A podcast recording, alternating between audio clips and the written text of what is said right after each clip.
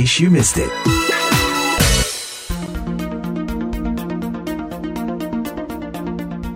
Pendengar Anda tengah mengikuti acara In Case You Missed It VOA, Voice of America, Washington DC bersama saya Leona Triono. Selain melalui streaming di website kami www.voaindonesia.com dan lewat siaran stasiun-stasiun radio afiliasi VOA di Indonesia melalui podcast In Case You Missed It VOA. Pada November lalu, Presiden Amerika Joe Biden menandatangani rancangan undang-undang menjadi undang-undang yang disebut Infrastructure Investment and Jobs Act atau IIJA yang memberikan otorisasi anggaran sebesar 1,2 triliun dan 550 miliar dolar sendiri untuk infrastruktur. Undang-undang ini dianggap perlu mengingat pentingnya infrastruktur di suatu negara untuk di antaranya memacu dan mendongkrak perekonomian demi meningkatkan kesejahteraan dan kualitas hidup warganya dan tentu juga meningkatkan keselamatan penggunanya. Kalau kita berbicara tentang infrastruktur, maka mau tidak mau kita berbicara tentang orang-orang yang berperan besar dalam pelaksanaan proyek-proyek itu. Di antaranya, mereka ini adalah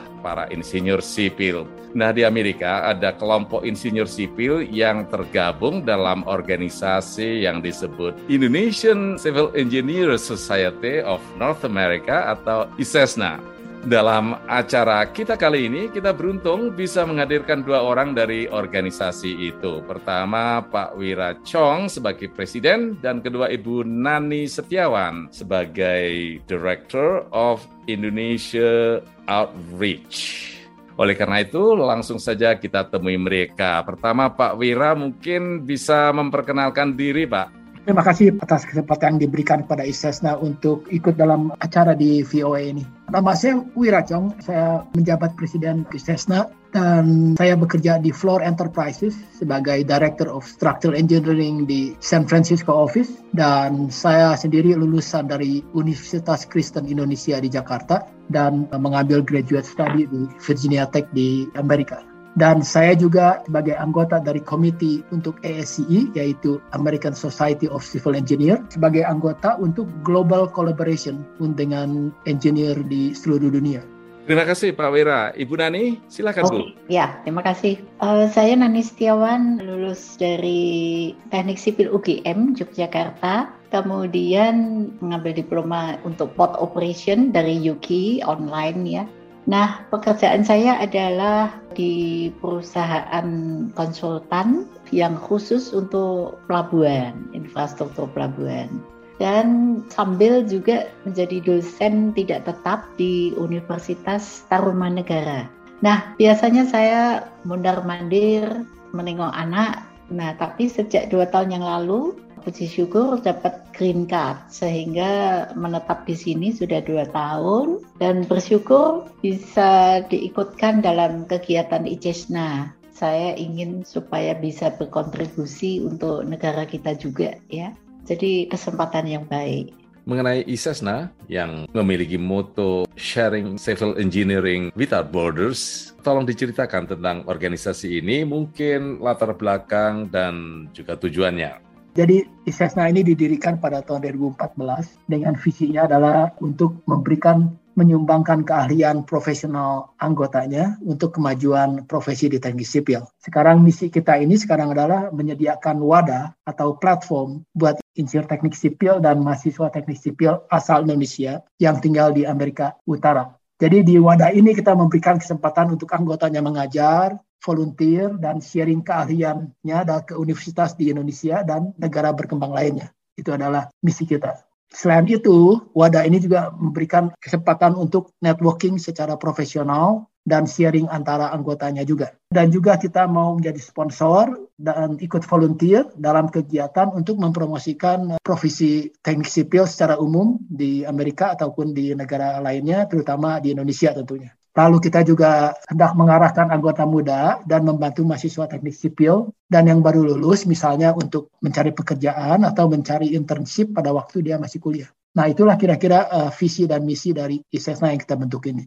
Mungkin ya. Ibu ada yang ditambahkan? Setelah saya ikut aktif, itu saya berusaha memperluas jangkauan universitasnya yang mana yang bisa dibantu Nah, saya ingat bahwa Indonesia Timur itu masih lebih memerlukan dibandingkan Indonesia Barat. Maka ICESNA telah menghubungi Universitas Cendrawasih, Universitas Tadulako di Palu, dan memperkenalkan untuk bisa memberikan bantuan lebih lanjut dan mereka welcome atas semuanya itu Apalagi tadi menurut Pak Wira, dengan mengadakan kerjasama dengan suatu institusi di Amerika, itu akreditasi perguruan tinggi di Indonesia itu akan naik. Jadi mudah-mudahan kontribusi dari ICESNA itu sangat bermanfaat bagi universitas di Indonesia. Tadi Ibu ya. menyebutkan kontribusi untuk Indonesia ya.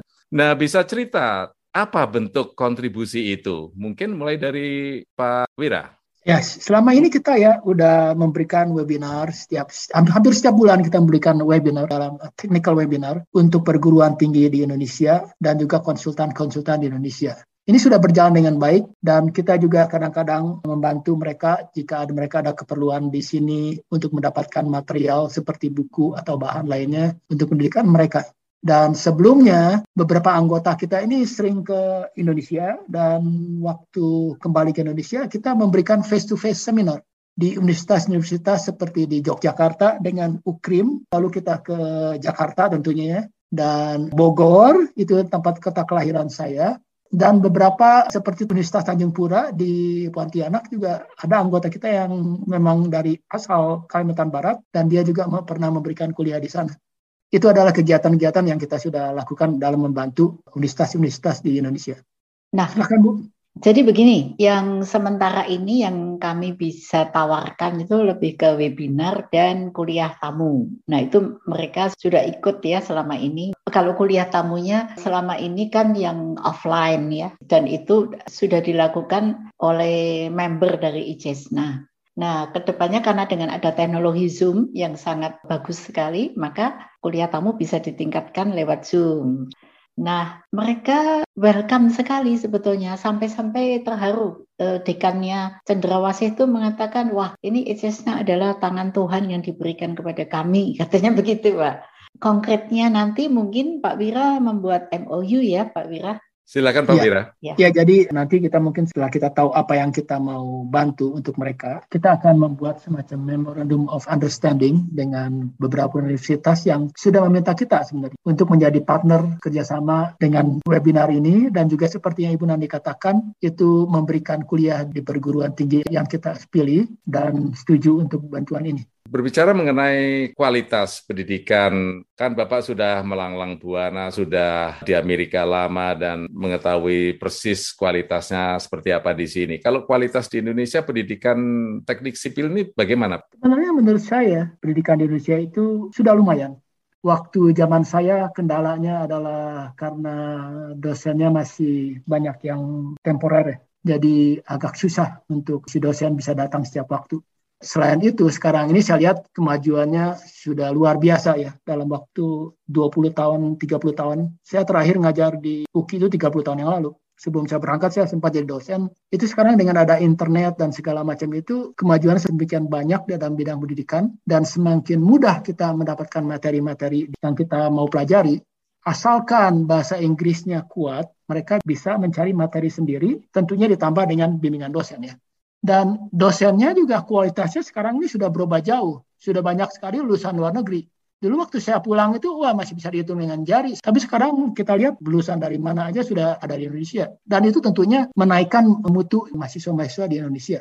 Dan secara praktisnya itu mereka baru graduate sekolah sebentar di sini, lalu kerja di perusahaan sini ya. Saya lihat mereka bisa mengikuti dan cukup dipakai oleh perusahaan yang tempat mereka bekerja. Jadi kalau saya lihat dari segi itu ya mereka tentunya bisa mengikuti untuk kerja di Amerika juga. Ya. Jadi menyadari mengapa infrastruktur itu begitu penting dalam suatu negara dan mengapa di Amerika Infrastructure Investment and Jobs Act atau IIJA itu dengan dana yang fantastis 1,2 triliun dolar dan 550 miliar dolar sendiri untuk infrastruktur dan itu dianggap perlu. Nah, pertanyaan saya, pelajaran apa yang bisa dipetik dari investasi yang begitu besar untuk infrastruktur publik di Amerika ini, terutama bagi negara-negara lain seperti Indonesia? Saya rasa Amerika dan Indonesia itu dua negara yang berbeda ya. Ini pendapat saya pribadi ya. Jadi Amerika ini kita tahu kantongnya tebal sekali ya uangnya banyak sekali ya dan tentunya mereka bisa spend untuk membangun infrastruktur yang sangat baik yang kita yang kita tinggal sini sudah menikmati ya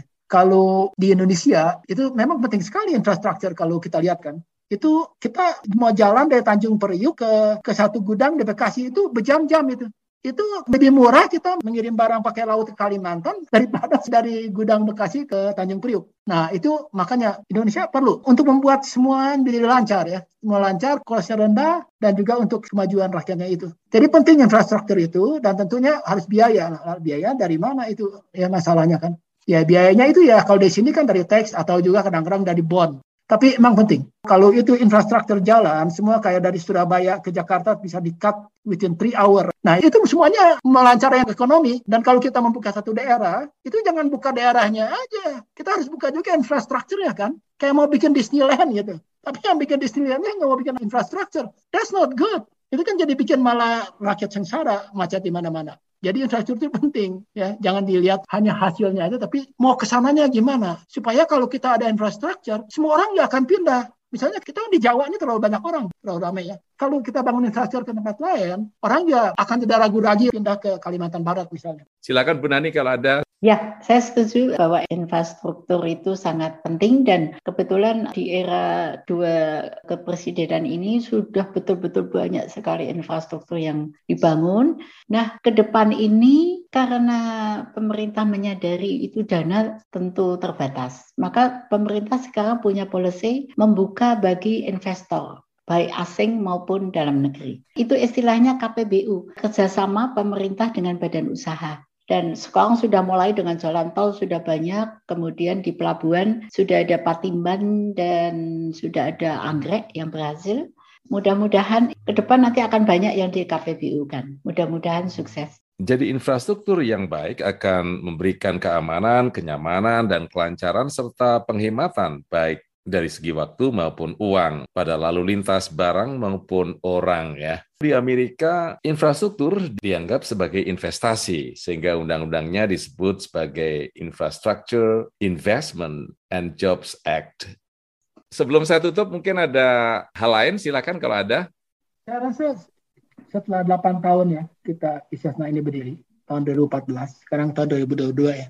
Saya dan Pak Teddy sebagai pencetus ide untuk membentuk ISESNA ini sangat senang sekali melihat bahwa sekarang ISESNA ini bisa menjadi wadah yang bermanfaat buat insinyur sipil di Amerika Utara dan juga untuk teknik sipil di Indonesia.